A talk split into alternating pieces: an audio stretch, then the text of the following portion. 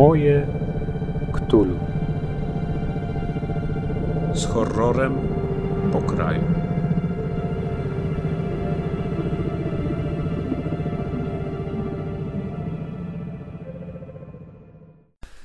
Cześć, jestem Kacper i witam Was w podcaście Moje Ktulu.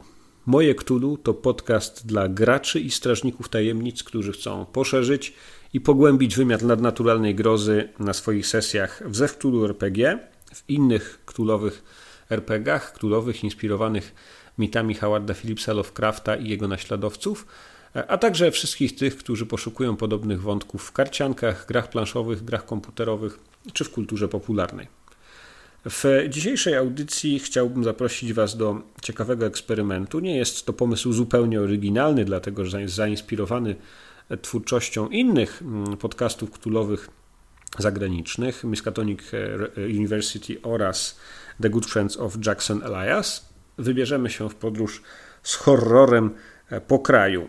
Pamiętajcie, że możecie słuchać mojego Ktulu na dowolnej platformie podcastowej, w tym na e, iTunes, Google Podcast, Blueberry, Stitcherze, e, a jeśli lubicie to na YouTubie albo po prostu przez e, stronę mojektulu.pl, gdzie zawsze można pobrać jako MP3 najnowszy odcinek oraz odtworzyć go bezpośrednio w przeglądarce. Nie przedłużając, zapraszam Was, wybieramy się w podróż z horrorem po kraju. Zaczynamy. Newsy.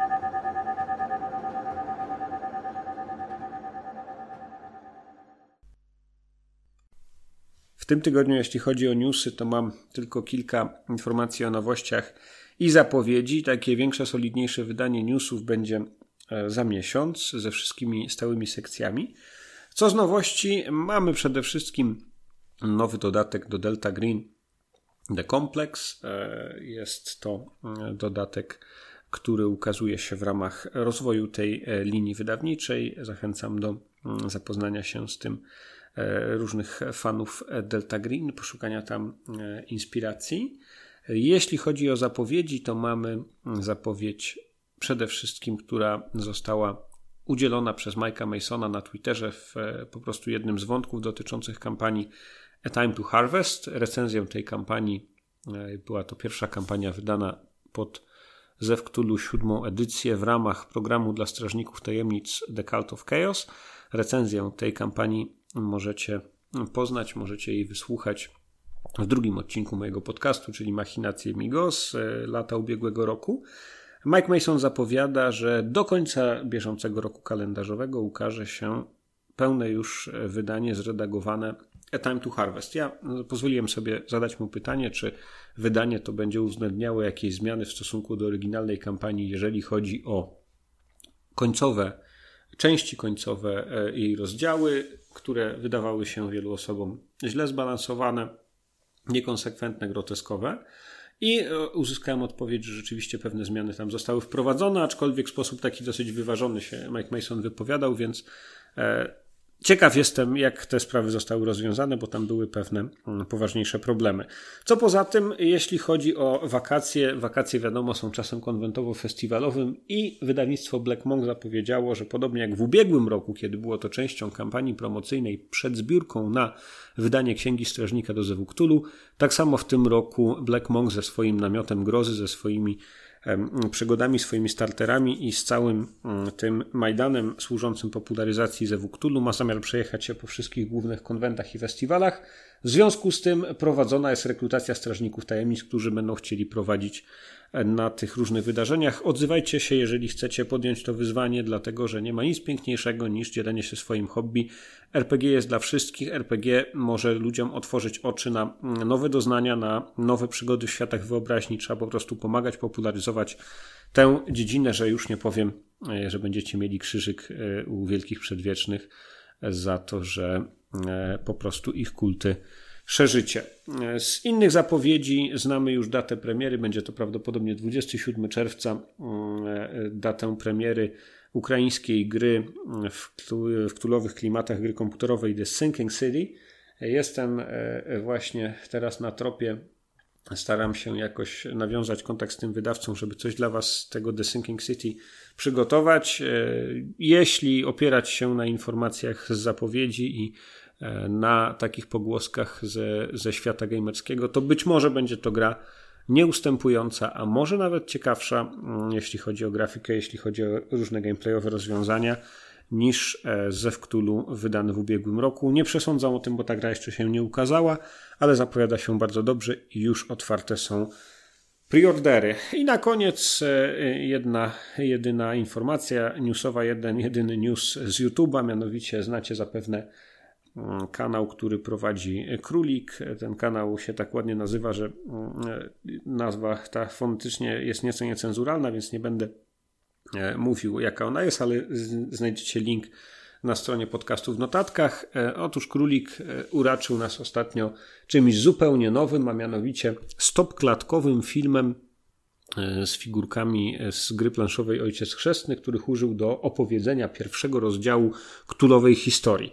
Jest to ostro e, przegięte, jest to ostro przerysowane. Jak wiadomo, styl e, królika jest dosyć kontrowersyjny, zarówno jeśli chodzi o ton wypowiedzi, jak i o klimat, ale powiem Wam szczerze, te paręnaście minut, które spędziłem oglądając ten filmik, to zapadło mi w pamięć jako czas dobrej rozrywki. Mam nadzieję, że ten projekt będzie kontynuowany, dlatego że czasami można właśnie takim jakimś lżejszym medium, mniej zobowiązującym właśnie figurkami na siatce e, e, takiej taktycznej e, z rysowanymi dekoracjami markerem opowiedzieć jakąś zabawną historyjkę sztampową, konwencjonalną, absolutnie taką powiedziałbym, mm, e, nie odbiegającą od potocznych wyobrażeń na temat tego, jak wygląda śledztwo przygoda w Zewie w jakimś starym domostwie, gdzie e, mieszkają upiorne potwory.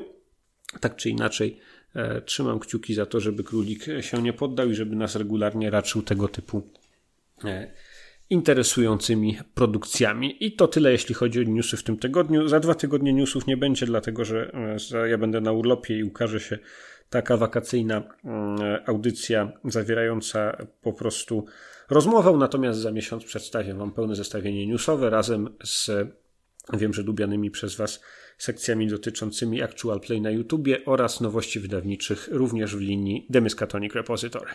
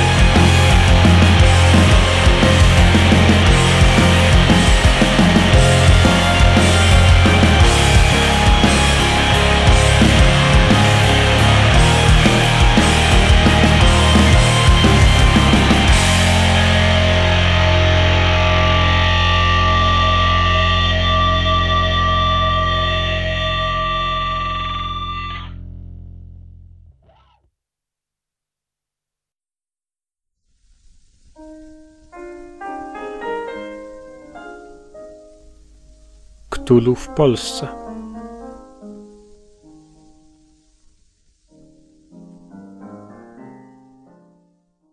Piękny utwór. Zawsze lubię właśnie te labele internetowe. Na Creative Commons naprawdę można znaleźć wspaniałe rzeczy, a tym razem, jeśli znajdziecie w notatkach do podcastu na stronie mojektulu.pl tytuł tego utworu, to zachęcam do wyszukania, gdzie te koordynaty geograficzne wskazują. Jest to piękny kierunek wakacyjny. Ale przejdźmy do rzeczy. W dzisiejszym spotkaniu z moim Ktulu jestem z Jarguzem. Witam Cię po raz kolejny już na antenie mojego Ktulu. Dobry wieczór, dzień dobry wszystkim słuchaczom. No i oczywiście witam Ciebie również, Kacprze. Poprzednim razem wspólnie recenzowaliśmy różne planszówki z oferty Galakty. To była audycja przedświąteczna, teraz mamy audycję przedwakacyjną. A skoro zbliżają się wakacje, to pomyślałem, że dobrze byłoby poszerzyć nieco zakres geograficznych poszukiwań Ktulu w Polsce i zainspirować się zabawą, którą chyba jako pierwsi przeprowadzili kolesie z podcastu The Good Friends of Jackson Elias, ale bardzo dobrze on się przyjął też w podcaście The Miskatonic University. Jest to zabawa polegająca na tym, że przy pomocy generatora losowych współrzędnych geograficznych, tutaj będziemy się posługiwać stroną geomidpoint.com, generatorem losowym z ich strony, będziemy generować w zakresie rozciągłości południkowej i równoleżnikowej Polski losowe miejsce w naszym kraju, a przy pomocy znakomitego generatora losowego, jakim są kości dziesięciościenne, tutaj przetestowane znakomitej jakości, najlepszej jakości kości produkcji e, tybetańskiej. Będziemy generować losową liczbę z zakresu od 1 do 100 i z tej liczby będziemy odczytywać wartość e, do opracowanego przeze mnie indeksu od 1 do 100 do potworów opisanych w dodatku Almanach Potworów. Czyli jednym słowem takie trochę palcem po mapie, trochę butem w almanachu potworów. Tak jest.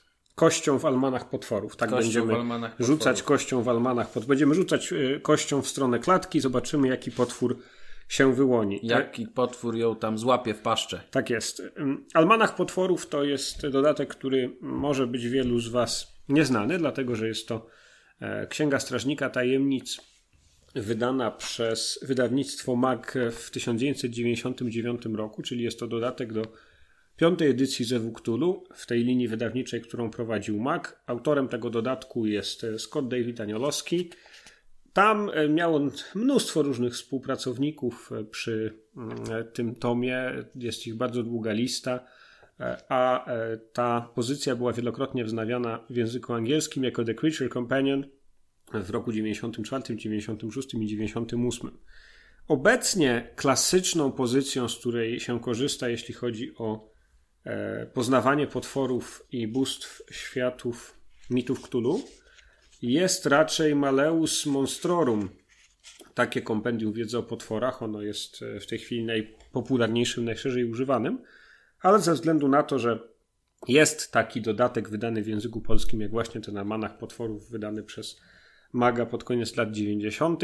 i że zawiera on 101 potworów, czy 102, no to pomyślałem, że możemy się tym posiłkować, zwłaszcza, że mm, w ten sposób będziemy od razu mogli się odnosić do ustalonych w polszczyźnie nazw i opisów tych stworów, a nie będziemy musieli na bieżąco tłumaczyć czy wymyślać, jak on się tam po polsku nazywa. Będziemy też dysponowali cytatami.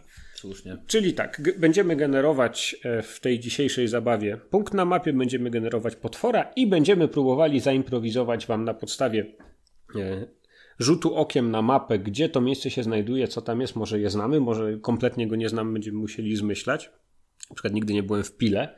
Ty chyba też nigdy nie Ile byłeś. było jak w Chile. E, No, nie wiem tylko czy za Pinocheta, czy No w właśnie. późniejszych czasach, więc na przykład jak nie byliśmy nigdy w Pile, to będziemy musieli zmyślać, co tam w tej Pile jest, czy jakoś rekonstruować się z e, informacji, które mamy z innych źródeł i będziemy starali się zaimprowizować jakiś zalążek scenariusza ktulowego, który będzie się w tym miejscu dział, Przetestujemy naszą, związany. tak, przetestujemy naszą kreatywność Tak jest. i poczytalność. Jak szybko nam wysiądzie.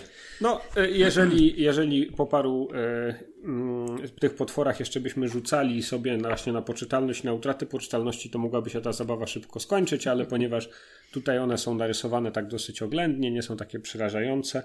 Och, tu są dobre potwory. To, to jeszcze są... te stare, klasyczne i teraz można powiedzieć e, takie standardowe. Szkoda, że Państwo tego nie widzą. Tak, szkoda, że Państwo tego nie widzą. Ci z Was, którzy mają almanach potworów mogą to śledzić. Ci, którzy nie mają, no nie będę Was zachęcał do, do zaopatrzenia się, bo to nie jest jakaś super potrzebna, niezbędna mm, pozycja, ale jest to fajna ciekawostka. Dobra, mm, tyle wstępu. Myślę, że możemy przystąpić do dzieła. Macieju, czyń swoją powinność i generuj.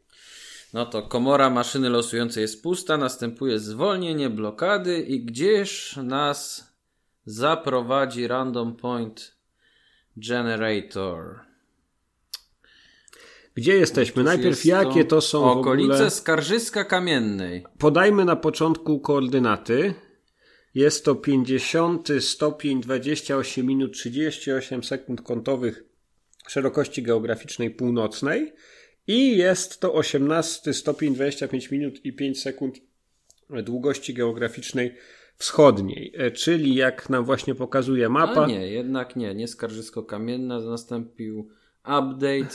Opolszczyzna. Opolszczyzna. Czyli okolice Strzelec Opolskich, Kędzierzyna, Koźla mniej więcej na północ od autostrady A4.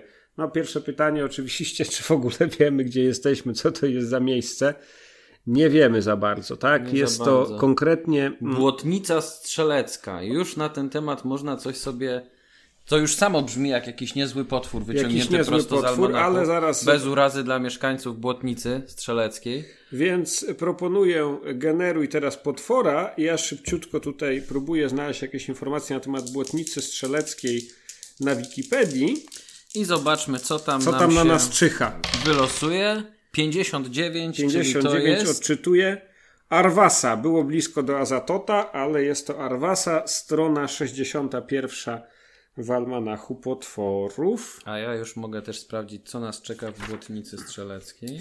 Dobrze. Tutaj w, w Błotnicy Strzeleckiej czeka na nas wielki przedwieczny Arwasa. Zaczniemy od cytatu z Koszmarów Danwich obecnie w tłumaczeniu Macieja Płazy z Groza w Danwich, klasyczne opowiadanie Howarda Phillipsa Lovecrafta. Cytat. I żaden człowiek nie mógł o nich wiedzieć, a było ich wiele rodzajów, od naprawdę podobnych człowiekowi, po kształty bez wzroku i materii, które są nimi. Przemierzali niewidoczni i nieczyści, samotne miejsca, gdzie wypowiedziano słowa i wykrzyczano rytuały w ich czasach. Wiatr wibrował ich głosami, a ziemia mamrotała ich świadomością. No niewiele nam to mówi na temat tego, jak wygląda Arwasa, czy, czy czym to jest, ale e, zgodnie z almanachem potworów jest to olbrzymia nieludzka istota o czterech gigantycznych mackach zamiast kończyn. Wielki przedwieczny nie posiada głowy, szyja kończy się olbrzymią, bezzębną paszczą o średnicy 2,5 metra, która cały czas rozwiera się jakby krzyczała. No więc mam w takim razie dla naszej Arwasy sprawdziłem, cóż y, y, wiemy na temat błotnicy strzeleckiej. Dawna niemiecka nazwa Blotnic. Mhm. W księdze łacińskiej Liber Fundationis Episcopatus Vratislavenis, mhm. czyli tak zwana Księga Uposażeń Biskupstwa Wrocławskiego, spisanej za czasów biskupa Henryka Zwierzbna w latach 1295-1305, Miejscowość wymieniona jest w zlatynizowanej formie Blotnicza Syglerii, czyli mamy już takie zalążki historyczne tej miejscowości dosyć dawne. Tak, tak. To po pierwsze. To starożytne miejsce. E, po drugie, w historii Błotnicy Strzeleckiej znalazłem na Wikipedii informację, iż E, mieścił się tam do końca lat 80. Uniwersytet Ludowy, który wykształcił wielu animatorów kultury. Mhm. I myślę, że tutaj już mamy. Chyba całkiem... zniekształcił. Zniekształcił, może też i zniekształcił. Ehm, jest tutaj już jakaś pewna zaczepka, y, bo jak wiadomo, animacja kultury to tańce, tak. swawole, rytuały. No właśnie, zwłaszcza, że ten Uniwersytet Ludowy w Błotnicy mieścił się w pałacu, który należał w XIX wieku do rodziny von Posadowskich, a dzisiaj w tym budynku znajduje się siedziba mniejszości niemieckiej. Nie będziemy tutaj żadnych ksenofobicznych akcentów Absolutnie. antagonizujących mniejszości narodowe w Polsce wprowadzać, ale już sam fakt, że jest tam jakiś pałac, który został w 1946 roku zaadoptowany na ten Uniwersytet Ludowy, to mi przypomina e, film Zimna Wojna e, niedawny, e, w którym tak. również mamy pałac zaadaptowany na jakąś siedzibę zespołu artystycznego, więc już w mojej wyobraźni takie czarno-białe obrazy jakiejś ciężarówki, która przyjeżdża na ziemię odzyskane, tam gdzieś Śląsko-Polski, ten, te okolice, i po to, żeby zaadaptować ten opuszczony przez von Posadowskich pałac w Błotnicy na ten Uniwersytet Ludowy. No i co oni tam znajdują? Mamy pewne informacje na temat kultu Arwasy mhm. w almanachu potworów. Arwasie czasami oddają hołd niewielkie grupy ludzi, ale na ogół jest nieznanym bóstwem. Wielki Przedwieczny porozumiewa się ze swoimi wyznawcami telepatycznie. Wymaga stałych ofiar żywych istot, które mają nasycić jego niepohamowany apetyt oraz ludzkiej ofiary co najmniej raz w miesiącu. I, i tutaj jest, jest ciekawy trop, dlatego że być może w momencie tej ucieczki mhm. Niemców z obecnych ziem odzyskanych przed uciekającym frontem, nastąpiło załamanie kultu Arwasy w tej błotnicy, który rozwijał się powiedzmy na przestrzeni być może kilkudziesięciu, kilkuset lat i którego centralną e, postacią była, czy centralną grupą była ta rodzina von Posadowskich, którzy e, von Posadowski, którzy tam e, dostarczali właśnie na potrzeby tego okrutnego kultu mhm. takich ofiar z ludzi, a kiedy oni uciekli, no to w tym miejscu już e, zaczęła się gromadzić jakaś zła energia i e, ten Arwasa ma zamiar się e, sprowadzić do naszego wymiaru, żeby wywrzeć na nich zemstę. Badacze mogą być e, w takim razie e, częścią tej właśnie grupy artystycznej, która do tego mm, pałacu przyjeżdża, tam aby zapoznać się z ludowym folklorem albo po prostu czy zbadać te historie okoliczne, albo właśnie tam mają swoje centrum, w którym się szkolą, ćwiczą, tańczą, tak. śpiewają, nie wiedząc, co się kryje w podziemiach, nie wiedząc, jaka jest historia tego miejsca. I to dopiero za Arwasa zaczyna oddziaływać na nich. Poszczególni tak. członkowie tak. tej grupy artystycznej początkowo zaczynają na przykład dostawać jakieś wizji, które są odczytywane przez pozostałych członków zespołu jako przypływy geniuszu. Tak. Jest to jeszcze ten taki fajny moment w historii tego wczesnego no, PRL-u, a tak naprawdę no, to, to jest ten okres Polski taki powojenny. Polski powojennej, ale ten, ten, ten mocno totalitarny moment, gdzie jeszcze y, ta sztuka, ten artyzm ma ten, ten, ten sznyt mniej socowy, tak. a bardziej taki natchniony. Tak. Więc tutaj może zacząć się coś w tym, w tym kierunku dziać, a później niestety zaczyna dziać się groza. E, no. Jeszcze tylko nadmienię, że bardzo ciekawy tutaj, być może nieświadomie tą zahaczkę zrobiłeś mm, z Niemcami, którzy tam składali ofiary Arwasie, bo jest informacja w historii, Błotnicy, iż e, w styczniu 1945 roku niemieccy strażnicy z SS wymordowali w tej miejscowości 23 więźniów obozu koncentracyjnego Auschwitz, ewakuowanych spod obozu w Jaworznie. Mhm. Co, e, jak wiem, często powracasz do Krzyża Oświęcimskiego tak. E, w swoich audycjach i w ogóle wiem, że bardzo lubisz tę przygodę.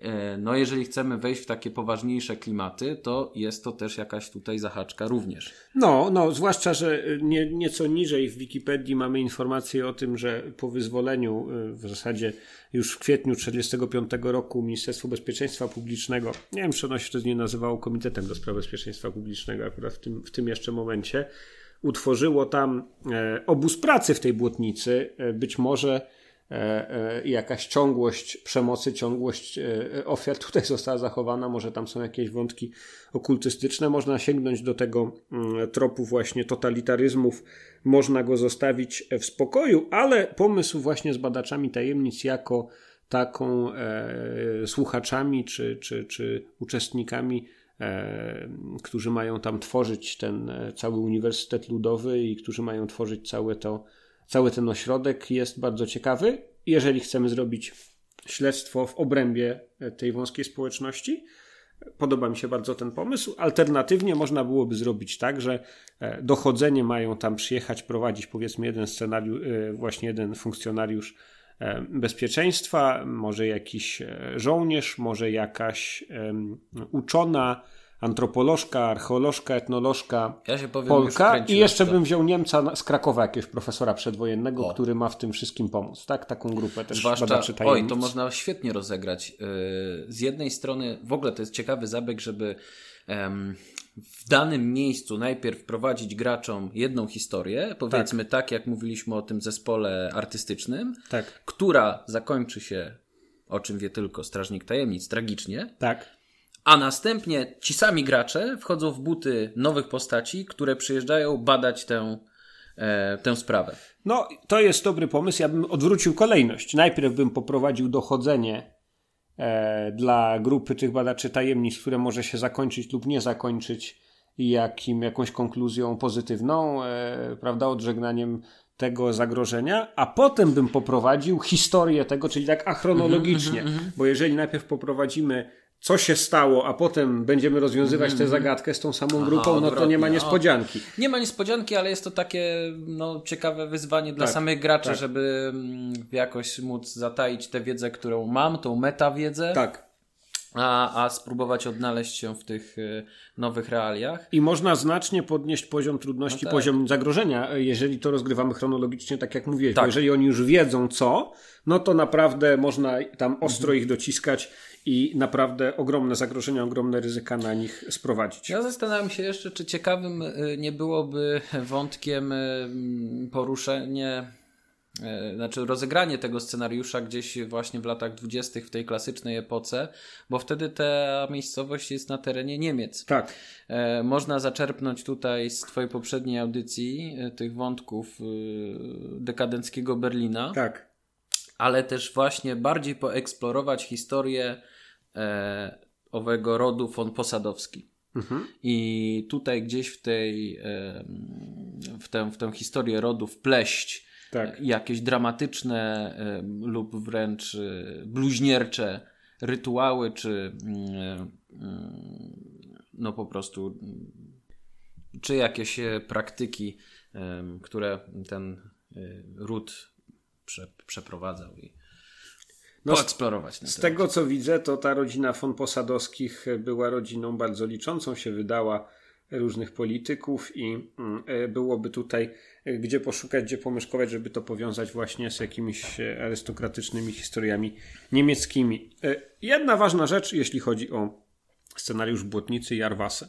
Arwasa przez cały czas wydaje z siebie niesłyszalny dla ludzkiego ucha mm, dźwięk, taki skowyt, taki mhm. zew Arwasy który jest natomiast słyszalny dla zwierząt, więc charakterystyczną cechą na pewno tego pałacu, jeżeli Arwasa by tam się jakoś materializował w określonych momentach, byłyby albo uciekające zwierzęta, albo właśnie nieobecność wszelkiego rodzaju e, życia zwierzęcego, ptaków, e, ssaków, e, może nawet jakichś gadów, płazów w okolicy, czyli w zasadzie można powiedzieć taka czarnobylska trochę jakaś strefa, w której nie ma nie ma e, e, życia, ludzie tam przebywają no, nieświadomi znów tego. Znów teraz zobacz, jak możemy pięknie wrócić do zimnej wojny. Mamy mhm. tę grupę e, kulturoznawców, tak. etnografów, tak. którzy szukają ludowych śpiewaków, ludowych muzyków. Tak. I natrafiają, może nawet niekoniecznie w samej błotnicy, ale gdzieś w pobliżu, na na jakiegoś nieszczęśnika, który może takiego miejscowego grajka, głupka, jakoś w jakiś sposób, może lekko upośledzonego, który właśnie jest w stanie słyszeć ten dźwięk. Aha, aha. Jego muzyka synchronizuje z przetłumaczeniem tego niesłyszalnego dla ludzkiego ucha mhm. E, dźwięku, zewu, na nuty, na, na muzykę. No to super, no to, to nam się wiąże też oczywiście literacko z muzyką, z muzyką Ericha Zana, więc e, wątki tutaj nasuwają się jeden za drugim. Wydaje mi się, że e, tak już e, bogaty opis tej błotnicy opracowaliśmy, że możemy chyba na tym spokojnie, spokojnie poprzestać i przejść do następnego miejsca. Zobaczmy dokąd nas ten generator znowu zaprowadzi. Sprawdzam. I mamy. O, o wyrzuciło nas poza granicę. To jeszcze raz poprawka. Tak, w tym generatorze mamy wprowadzone skrajne koordynaty Polski, czyli tam powiedzmy właśnie od rys do rozewia i, i, i w drugą stronę, ale e, to nam oczywiście daje zagrożenie, że wylądujemy gdzieś na Bałtyku. I co teraz? Gdzie jesteśmy? O, o zupełnie gdzie indziej. Jakieś Kaszuby, jakieś Bory Tucholskie? Gdzie my jesteśmy? Między drogą krajową 21 a 20, okolice miejscowości Kołczygłowy. Kołczygłowy, sama nazwa jest tak bluźniercza, że aż mnie ciarki przechodzą. Obok jest miejscowość Kołczygłówki również. To więc... podaj poproszę e, koordynaty, a my tutaj e, sobie poszukamy tych kołczygłów e, w powiecie bytowskim. Koordynaty to jest 54 równoleżnik. 54 13, 54 Aha. stopnie 13 minut i Długość mamy 17 stopni 14 minut. Tak. Wschód. Tak. Czyli wylądowaliśmy właśnie w okolicach Kołczygłów, mm, gminy w e, wsi gminnej w województwie pomorskim i jest to e, wieś, która po kaszubsku się też podobnie dosyć nazywa Kołczygłowe, po niemiecku Alt-Kolziglow Cały czas w tych Niemcach gdzieś tak trafiamy. Jest. Gdzieś trafiamy niemiec, niemieckie na... wpływy. Aczkolwiek e, i cóż, jest to miejscowość, która znajduje się mm, w Parku Krajobrazowym Doliny Słupi i e, co jest to chyba dość nieduże, nieduża miejscowość, licząca raptem kilka tysięcy mieszkańców dzisiaj, również o średniowiecznych korzeniach, bo już w 1371 roku zakon krzyżacki kupił tę wieś od rodziny Putkamerów. No, no tutaj mamy nieprawdopodobny po prostu rarytas. W kościele parafialnym w Kołczygłowach e, wziął ślub Otto von Bismarck. O, czegoż chcieć więcej. Czegoż chcieć więcej z Charlottą von Putkamer. Więc mamy tutaj właśnie kościół obecnie katolicki, wcześniej luterański XVII-wieczny z pruskiego muru pod wezwaniem Chrystusa Króla który to właśnie mm, Kościół był świadkiem tej e, uroczej ceremonii ślubu żelaznego kanclerza. E, no i co tam jeszcze? Jest jakiś cmentarz mieszkańców niemieckich, jakiś sport i rekreacja. No dobra, ale rzucamy, bo potwora jeszcze musimy no wygenerować. Spójrzmy. Sam Bismarck nam nie wystarczy. Chociaż i to niezły potwór jak dla nas. 64. Znowu gdzieś blisko i znowu prawie Ktulu. Biatis. Kimże jest ten Biatis? Wielki przedwieczny i mamy cytat z opowiadania Ramseya Campbella The Room in the Castle. Uwaga. Stworzenie miało tylko jedno oko, niczym cyklopy i ogromne kleszcze, jak u kraba. Powiedział również, że miało nos zbliżony do trąby słonia i wężowate narośla, które zwisały po obu stronach twarzy jak broda, trochę na kształt niektórych morskich potworów. Usłyszeli świst wiatru i łopot jakby ogromnego nietoperza. Coś jakby wąż, który usiłował mnie dosięgnąć. Istota wielkości człowieka, lecz niewiarygodnie długa, która okazała się po prostu macką obrzydliwego Beatisa. No i tutaj co się, mm, e, co się ciekawego okazuje, co e, Beatisa nikt na ziemi nie wyznaje. Nie posiada on żadnego ludzkiego kultu, jest tylko wzmiankowany w różnych księgach okultystycznych, zwłaszcza w księdze Ludwiga Prina De Vermis Mysteris, czyli tajemnice Robali. Mm, I właśnie w tym zakazanym tomie znajduje się przekaz, że wyobrażenie Beatisa przyniosły na Ziemię istoty z głębin, czyli że jakaś część populacji istot z głębin właśnie otacza kultem tego wielkiego przedwiecznego, a Beatis trzymany jest obecnie w specjalnej komorze za drzwiami zapieczętowanymi przez znak starszych bogów, znajdującej się w jednym ze starych zamczysk Wielkiej Brytanii, czyli jest to wielki przedwieczny o przydomku brodaty wąż, który jest obecnie pod kontrolą. No czyli co, czyli skoro on jest tam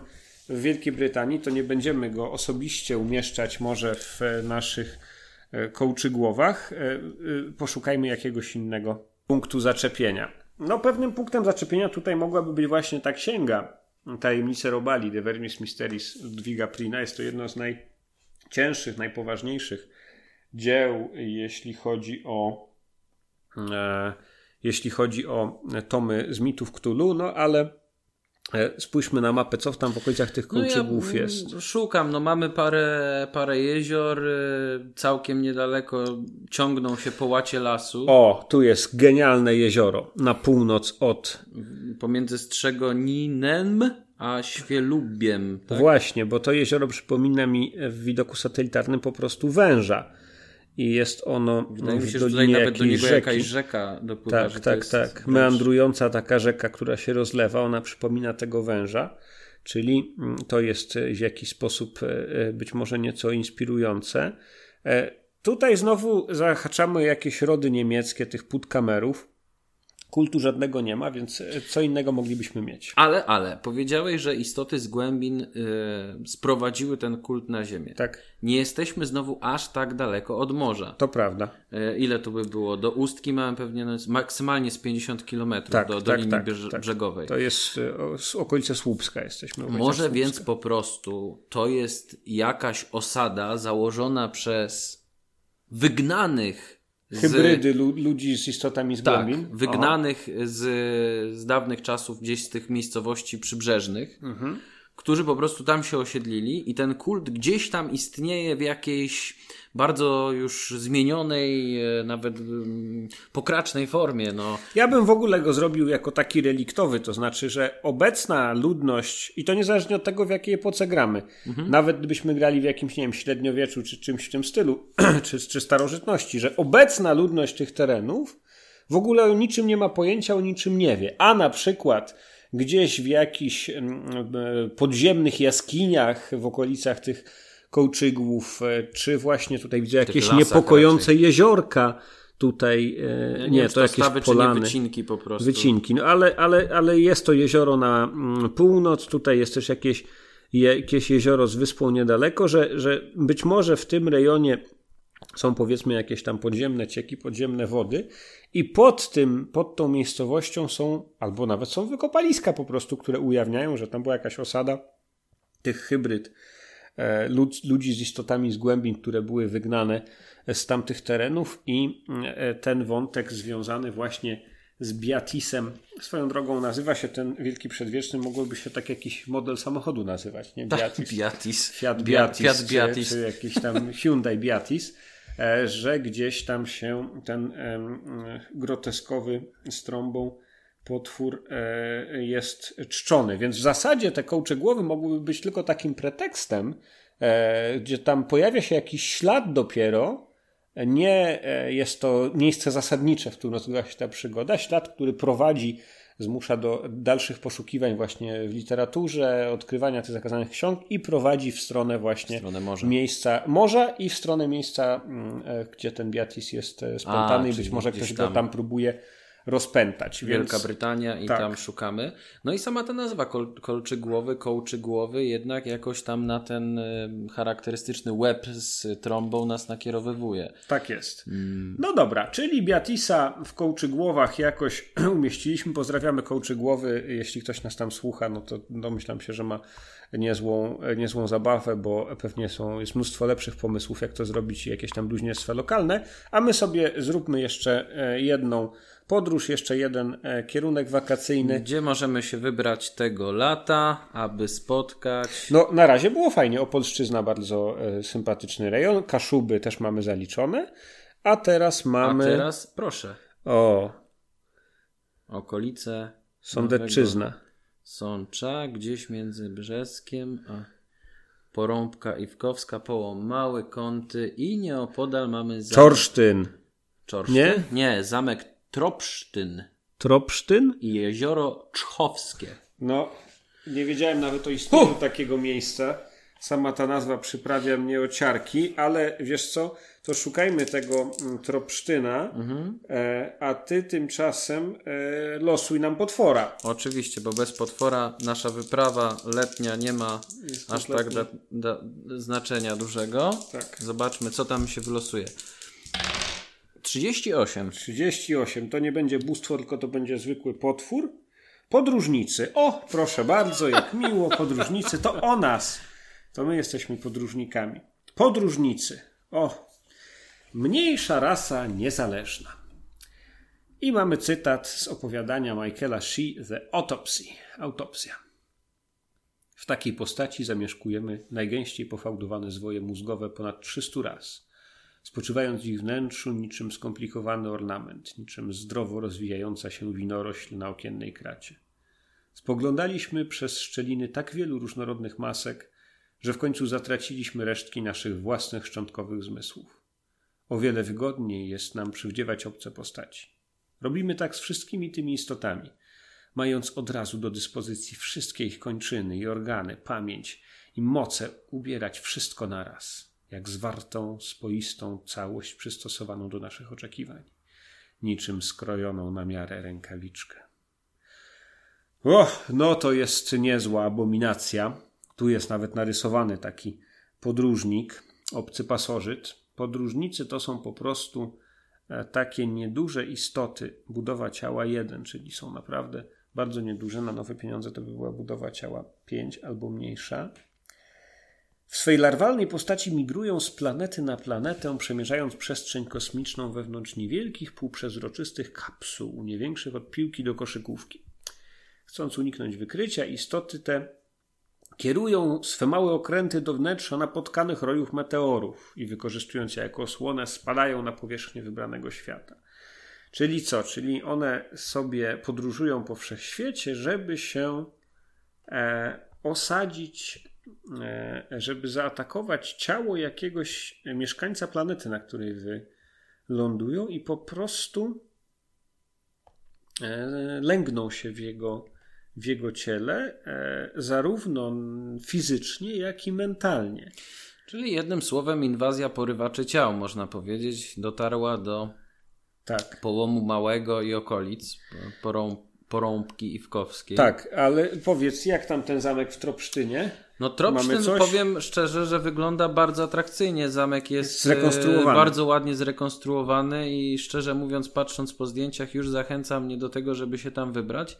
Zwłaszcza, żeby trochę poeksplorować jakieś właśnie klimaty ktul, ktulowe, ktuliczne. Mm, wygląda to bardzo o, atrakcyjnie, o. zwłaszcza, że zamek jest położony nad brzegiem jeziora. Słuchaj, ten zamek to jest zamek e, zupełnie niesamowity, dlatego że to jest zamek, który przez całe stulecia był ruiną.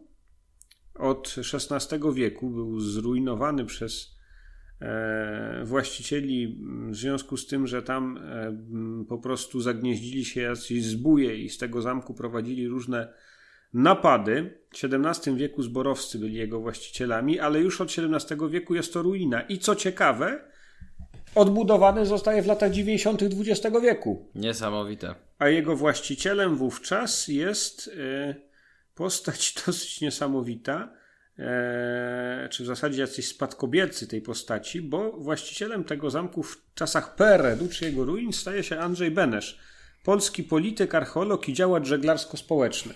No proszę bardzo, w PRL-u też można było zostać się właścicielem zamku, czyli tak bardzo to się nie różni. Tutaj byli jacyś tam podkamerowie, won, won e, posadkowie czy inni, którzy mieli swoje zamki, a ten z kolei, mm, tutaj mamy do czynienia z Andrzejem Beneszem, dygnitarzem mm, PRL-owskim, który, uwaga, e, miał e, widać nie jeden zamek, z jednym zamkiem miał do czynienia, dlatego że z jego osobą związana jest opowieść o znalezionym na zamku w Niedzicy piśmie węzełkowym Inków, czyli kipu.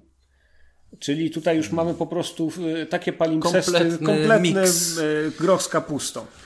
I niby to kipu mm, zawierało informacje o miejscu ukrycia skarbów.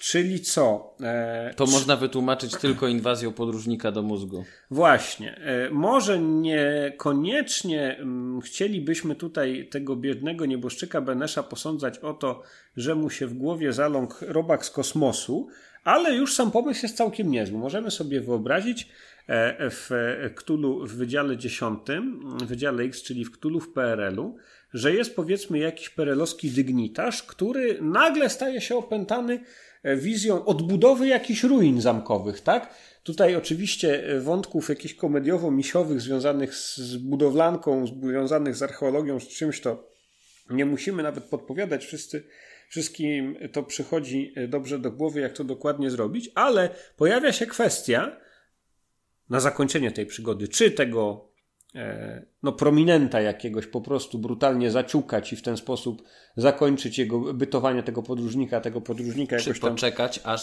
odbuduje ten zamek zamek. jako dobro kultury. No właśnie, zwłaszcza, że, zwłaszcza, że być może mm, e, odbuduje zamek jako dobro kultury, ale może też tam po prostu e, lepiej jest tego podróżnika śledzić i jakąś tam e, wiedzę pozyskiwać w ten sposób. E, jak z inteligencją tych istot? No one są mniej więcej tak inteligentne jak ludzie, tylko są nieprawdopodobnie złośliwe i okrutne, no, jak, jako pasożyty, które integrują się z układem nerwowym swojego nosiciela, swojego żywiciela.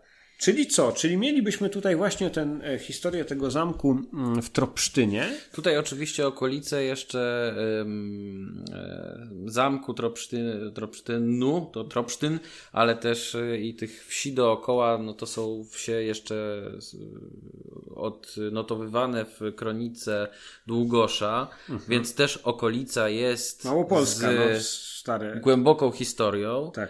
Plus piękny naprawdę teren, górzysty z jednej strony, ale mamy Dolinę Dunajca, e, więc krajobrazowo również przepiękne miejsce, które można e, może dać strażnikowi tajemnic. Wspaniałe pole do popisu, jeżeli chodzi Tak. o nastrojowe Tak.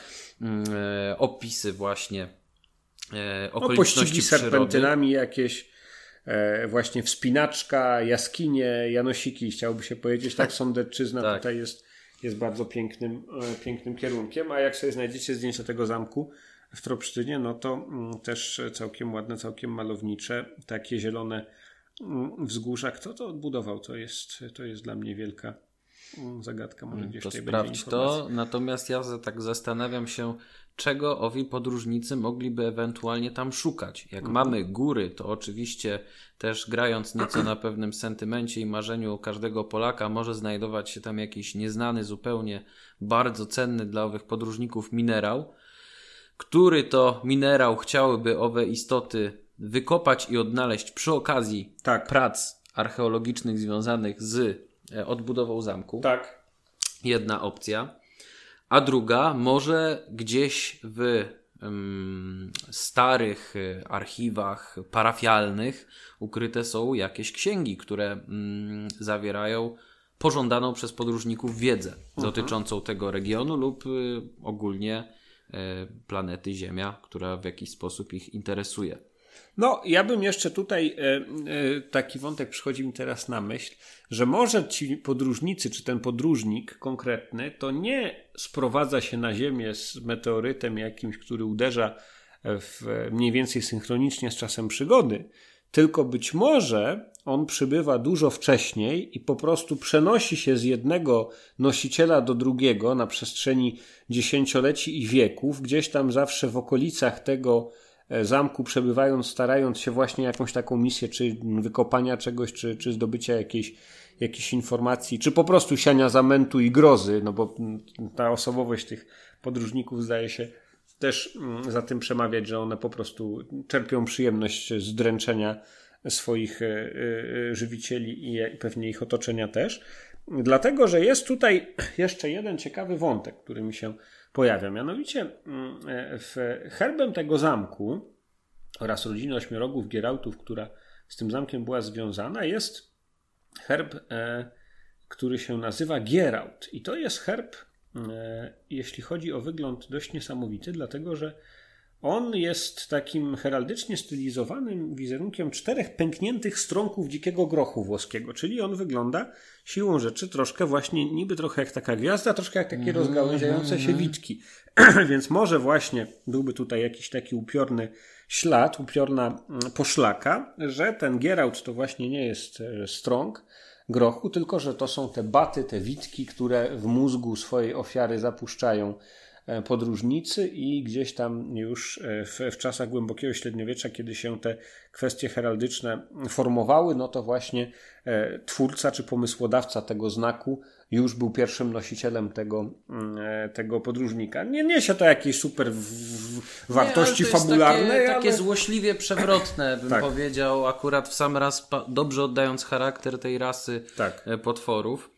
E, podkreślająca dominację tak naprawdę Tak. nad ludźmi, ludzie dzierżący władzę i kto ich tak naprawdę trzyma w garści, czy kto e, co siedzi w głowie tych, tych ludzi tak naprawdę. No jest Właśnie to niewątpliwie coś, co. e, upiorny. Znaczy ten potwór akurat nam się taki wylosował, Tak. który jest y, chyba w zasięgu y, badaczy, jeżeli chodzi o ich zgładzenie. Absolutnie, do zaciukania, tak.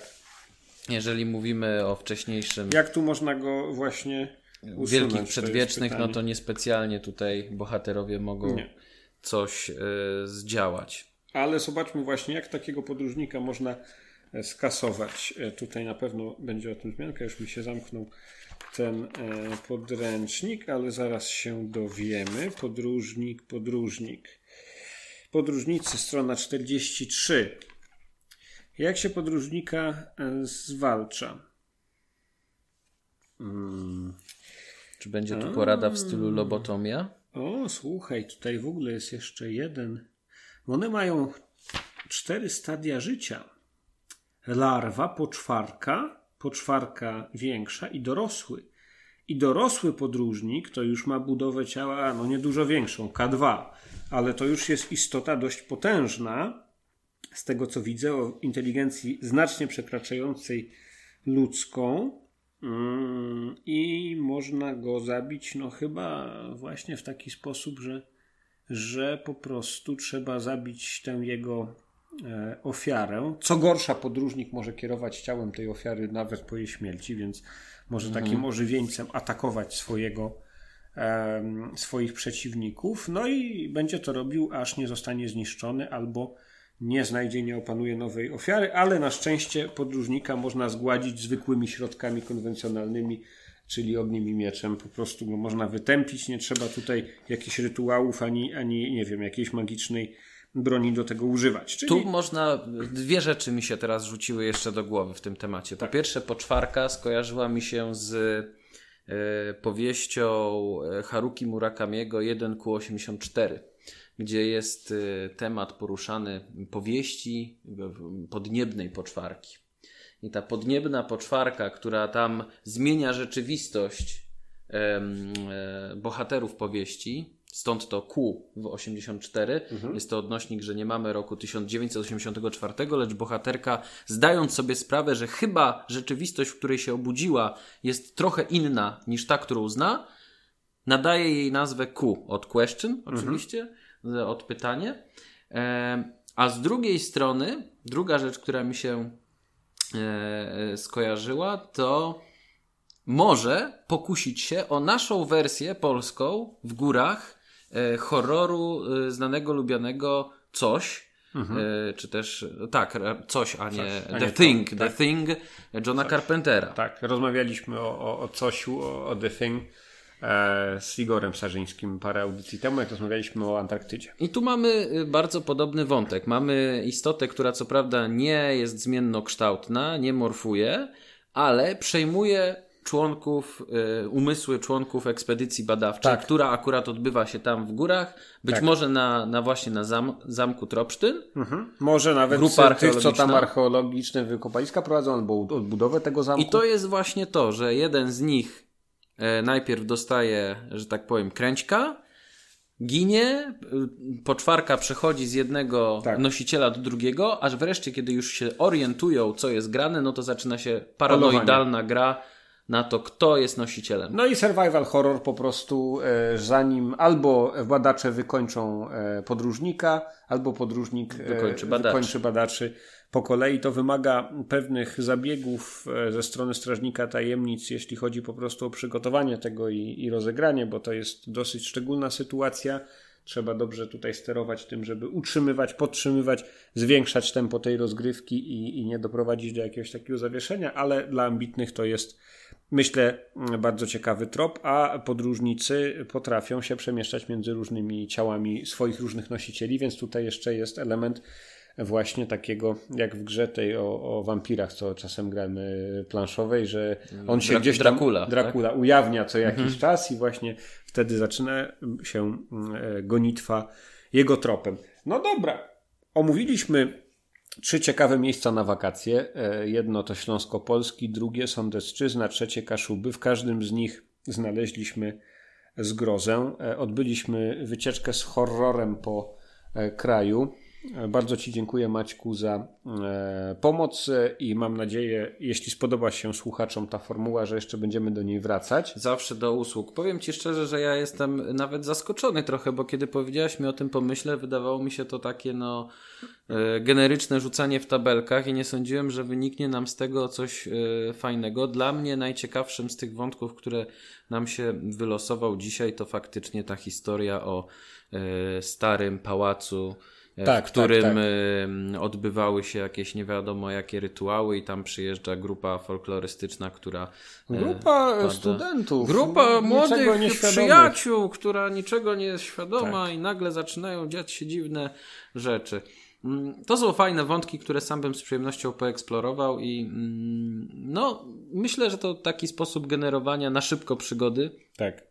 Zwłaszcza teraz, jeżeli e, ktoś z Was, e, drodzy strażnicy tajemnic, którzy nas słuchacie, e, będzie miał w wakacje trochę więcej czasu, a z drugiej strony więcej presji ze strony graczy na to, aby szybko, szybko robić kolejne scenariusze, to może z tej metody skorzystać i faktycznie można z tego wyciągnąć bardzo fajne rezultaty. Dobry pobudzacz wyobraźni. Tak, zgadzam się. E, bardzo dziękuję w takim razie e, Macieju, e, a my posłuchamy teraz kolejnego utworu zespołu Seven Parsec z płyty Red Comet. Jest to utwór tytułowy Red Comet, jakże dobrze pasujący do trybu życia i trybu przemieszczania się tych upiornych podróżników.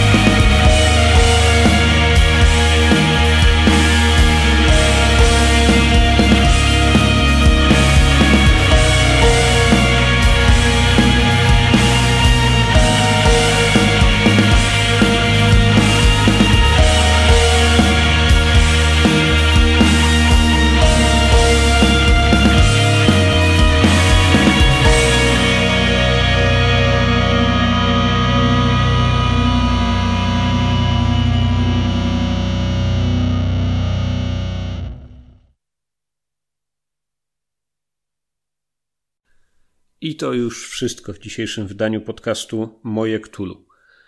Moje Ktulu w tym tygodniu wzbogacił album Red Comet zespołu Seven Parsec, który wydany został przez internetowy włoski label Hortus Conclusus Records.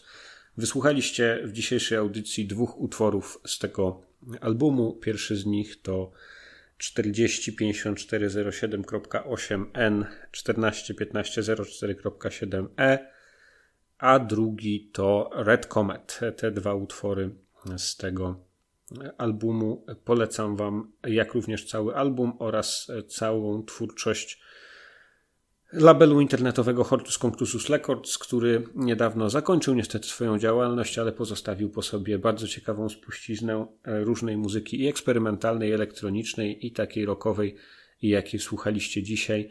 Pamiętajcie, że jest wielu twórców, którzy udostępniają dla Was swoją muzykę zupełnie niekomercyjnie na otwartych licencjach w internecie. Warto słuchać, warto ich znać, warto ich wspierać. A na dzisiaj e, to wszystko. Żegnam się z Wami. Usłyszymy się w typowej audycji e, za e, dwa tygodnie. Ja będę wtedy na urlopie, ale mam już nagraną zawczasu rozmowę z osobą, z którą na pewno chcielibyście rozmowy posłuchać, czyli z Maciejem Płazą, tłumaczem Howarda Phillipsa Lovecrafta, nagrodzonym za swoje dokonania tłumackie Nagrodą Literatury na Świecie, który to przetłumaczył dwa ogromne tomy Lovecraftowskie wydane przez wydawnictwo Vesper i którego przekłady są obecnie uznawane za kanoniczne i zdecydowanie filologicznie najlepsze. Także rozmowę z Maciejem Płazą nagraną kilka miesięcy temu przy okazji mojej wizyty w Poznaniu usłyszycie za dwa tygodnie, a pełen odcinek zawierający różne sekcje, zawierający informacje newsowe, zawierający różnego rodzaju e, e, tematyczne materiały e, będziecie mogli usłyszeć już za miesiąc. Tymczasem więc żegnam się z Wami. Dziękuję bardzo za uwagę, dziękuję za słuchanie. Zachęcam do subskrybowania i pozdrawiam Was z ostępów Izabelińskiej Puszczy.